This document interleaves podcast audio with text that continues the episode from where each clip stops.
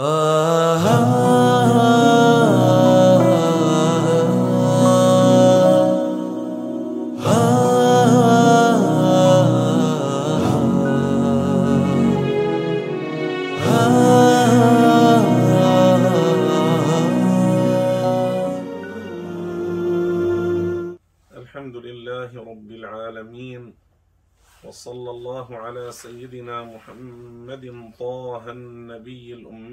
الأمين العالي القدر العظيم الجاه وعلى آله وصحبه ومن والاه. وأشهد أن لا إله إلا الله وحده لا شريك له. وأشهد أن محمدا عبده ورسوله وصفيه وحبيبه وخليله. صلى الله عليه وسلم وشرف وكرم وبارك وعظم.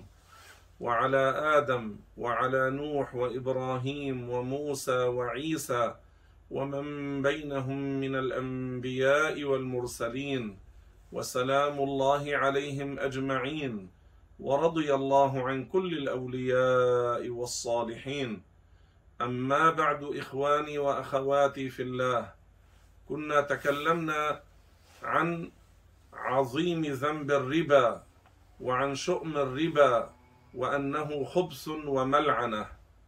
وكنا شرحنا من نصيحة شيخنا رضي الله عنه من إرشاداته قوله الربا خبث وملعنة والزكاة مطهرة. سنتكلم اليوم إن شاء الله تعالى عن الزكاة. الزكاة قال فيها شيخنا رضي الله عنه الزكاة مطهرة وبركة. الزكاة فرض على من وجبت عليه يعني من ملك قدرا معينا يقال له النصاب. من وجبت عليه هذه الزكاة فرض عليه أن يخرج قدرا معينا عن هذا النصاب وهو نسبة قليلة. يعني الذي هو يخرجه نسبة قليلة. وهناك تفاصيل في قضية الزكاة فيما تجب فيه الزكاة من الأموال والمواشي الغنم والبقر والإبل وأموال التجارة وكذلك زكاة الفطر. الآن ليس محل تفصيل أنواع الزكوات إنما الكلام الآن عن حكم الزكاة على من وجبت عليه. من وجبت عليه فرض عليه أن يخرجها كما أمر الشرع. فإن امتنع صار ظالما. إن امتنع صار فاسقا. إن امتنع صار مرتكبا للكبيرة. صار مجرما. وحل عليه غضب الله. وترفع البركة انتبهوا. وترفع البركة من ماله. وترفع البركة من تجارته. ماذا قلنا؟ الزكاة مطهرة وبركة. فإذا منع الزكاة حرم هذه البركة ثم قد تسحق أمواله وليس ماله فقط بل هو قد يسحق فيهلك ويعجل له الانتقام في الدنيا قبل الآخرة. تصوروا أنتم إذا منع هذا الفرض. قد ينتقم منه في الدنيا قبل الآخرة. والعاقل الكامل هو الذي يسرع إلى تنفيذ أمر الله عز وجل. يسرع إلى أن يؤدي ما أوجب الله. كالذي يسرع إلى الصلاة المفروضة إلى كل أمر مفروض. لا يقول أنا أزكي عن سنة واحدة. وبعد ذلك لا أخرج زكاة. لا يقول أنا لا أخرج كل ما طلع علي إنما أخرج يعني أدفع أقل من ذلك. هذا الذي يخرج ما لا يكفي ما لا يجزئ أو أقل مما وجب عليه. يخرج أقل مما وجب عليه.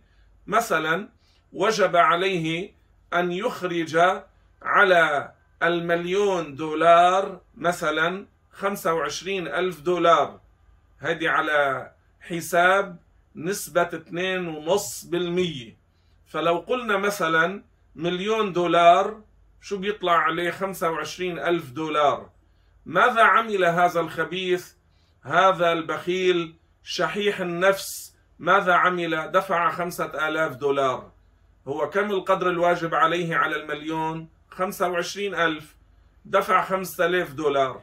هذا كأنه منعها. يعني هو واقع في الكبيرة. آه، أخرج هذا الذي هو القليل مما وجب عليه أو أخر إخراج الزكاة عن وقتها بلا عذر أو أخرج ما لا يجزئ أو أعطاها لمن لا يستحق. في هذه الأحوال يكون عاصيا يكون ظالما يكون عرض نفسه لغضب الله. وأما مسألة الذي يقول أخرج لعام واحد ولا لكل ولا أخرج لكل عام فالجواب عن ذلك ما دام النصاب قائما يعني ماله موجود وفيه النصاب ولو إلى مئة سنة يجب عليه في كل سنة أن يخرج الزكاة. بعض التجار اليوم ماذا يقول؟ قاعدين بدون شغل كل سنة بدنا نطلع زكاة. نعم كل سنة. هل العاقل يقول أنا امبارح صليت اليوم ما بصلي؟ هل العاقل يقول أنا منذ عشر سنوات أصلي فالآن لا أصلي؟ كذلك الزكاة. ما دامت الشروط مكتملة والنصاب موجود قائما وأنت مكلف واجب عليك أن تخرج في كل عام إلى أن تموت أو أن يذهب المال أو أن ينقص عن النصاب الذي يجب عليك أن تزكي به أي بالنصاب إذا اكتمل.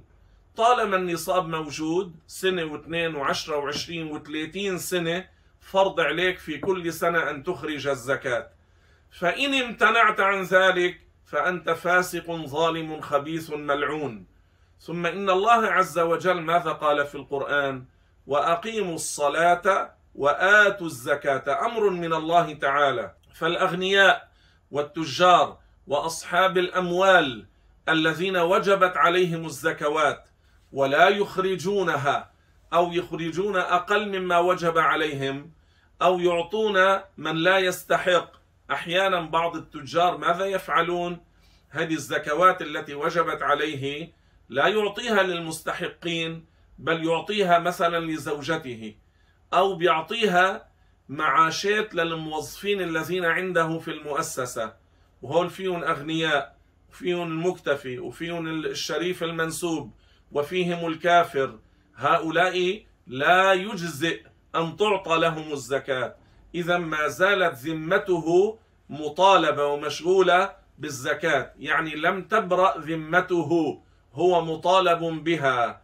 مرته لأنه النفقه مرته عليه. نفقه زوجة هذا الرجل التاجر نفقتها عليه. فلا يصح أن يعطيها الزكاة. أم بي الفقيرين المسلمين. هول هو بينفق عليهم. فبيعتبروا من أهل الكفاية بنفقته عليهما. ما بيجي بيعطيهم الزكاة لإلهم أولاده اللي هن دون البلوغ. ما بيعطيهم الزكاة. إذا بعض التجار آه، يقصر يمتنع لا يدفع بالمرة أو يدفع أقل مما وجب عليه أو يعطي أقل ها من الواجب في كل عام. ثم يحبس الباقي يقول أنا بعطيه مصاريف للفقراء سنويا. هذا أيضا حرام. وجبت عليك الآن. كيف تحبسها إلى العام القابل؟ أنت مانع للزكاة. وبعض التجار شو بيعملوا؟ المال اللي هو زكاة بدهم يطلعوه بحطوه بالبنوك بيشغلوه قالوا بيصير بيحسبوا للفقراء معاشات. من مال الزكاة اللي حطوه بالبنك اختلط بمال الربا ثم في كل شهر بيجي الفقراء بيوقفوا على أبوابهم وبيعطوهم معاشات شهرية. هذا أيضا حرام وفسق وفجور. أولا أخر الزكاة ثانيا خلطها بالربا ضاعت الزكاة اختلطت بالربا ثم أخرها عن وقتها وصار يعطي بدل أن يخرجها اليوم يعطيها كل السنة كل شهر قدر معين للفقراء. هذا أيضا حرام. كذلك التجار والأغنياء الذين يدفعون الزكوات لصناديق مؤسسات بينتفع منها الكفار والمسلمين والأغنياء والفقراء والمنسوب وغير المنسوب فيختلط هذا المال في كل هذه المصاريف لكل هؤلاء الناس. هذا أيضا لا يجزئ. أو يعطيها لمؤسسات وجمعيات وأحزاب يخلطونها بالربا أو بيستعملوها لمؤسسات بيصرفوا هذا مال الزكاة على كراسي المكاتب للمدراء للمسؤولين. بيشتري مثلا كرسي المكتب بألف دولار. وهذا الذي يقعد على الكرسي لا هو مضطر إليه وهو ربما غني بيكون مدير المؤسسة أحيانا. وأحيانا يبنون المدارس والمساجد والمستشفيات والآبار والجسور من مال الزكوات وهذا حرام ولا يجوز ولا يصح ولا تبرأ ذمتهم. لماذا؟ لأن هذه الأشياء التي ذكرتها ينتفع منها المسلم والكافر. الكافر بيفوت على المستشفى وبيشرب من البير وبيمشي على الجسر ها؟ والمسلم الغني والمنسوب يدخل المسجد ينتفع من المسجد اذا بده يعرف كيف يدفع الزكوات. فمانع الزكاة والذي يؤخر بلا عذر والذي يخرج أقل مما وجب عليه أو يعطي ما لا يجزئ مثلا يخرج بضاعة فاسدة أو يعطي من لا يستحقون.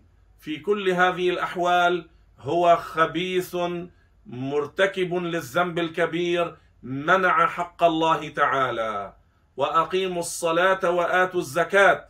ثم في حديث بني الإسلام على خمس أليس عد فيها وإيتاء الزكاة؟ هؤلاء الذين يمنعون الزكاة صاروا ظالمين مجرمين. ثم إن اليوم في الأحوال والأوضاع التي نحن فيها زاد عدد الفقراء وكبر عدد الفقراء فهول الأغنياء مطلوب أن لا يقصروا.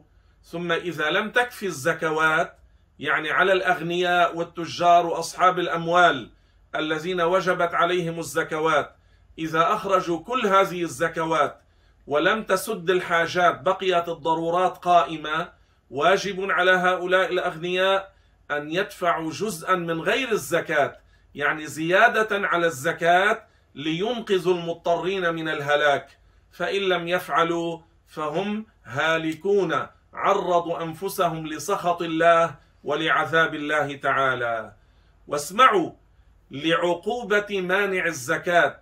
هذا الذي يمنع الزكاة من جملة عقوبته من جملة عقوبته أن هذا المال الذي كان تحت يديه ووجبت عليه فيه الزكاة ومنع الزكاة إن كان ذهبا أو فضة الله يعيدها يوم القيامة.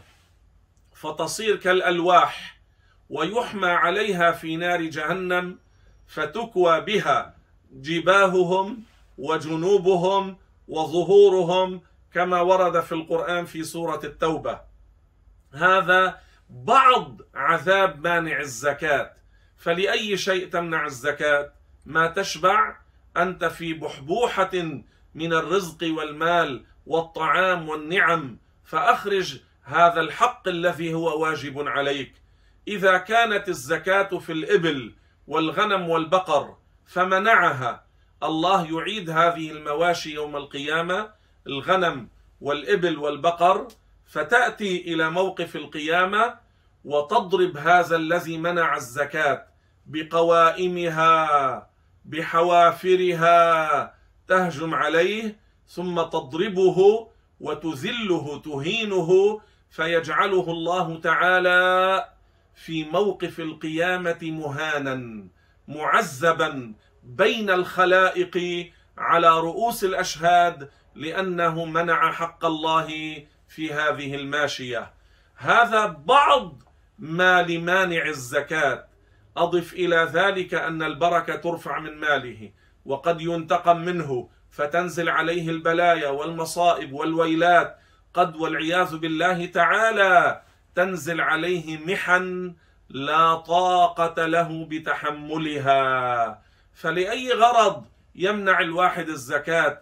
ما يعتبر الإنسان مما ينزل من المصائب والبلايا العامة على الناس والناس في أكثر في أكثر أحوالهم في هم وغم وضيق ومرض وبلاء وسقم مع الأوضاع العامة والخاصة. فلنعتبر ولنتق الله ولنسرع إلى تنفيذ ما أوجب الله علينا لأجل أن ننجو يوم القيامة.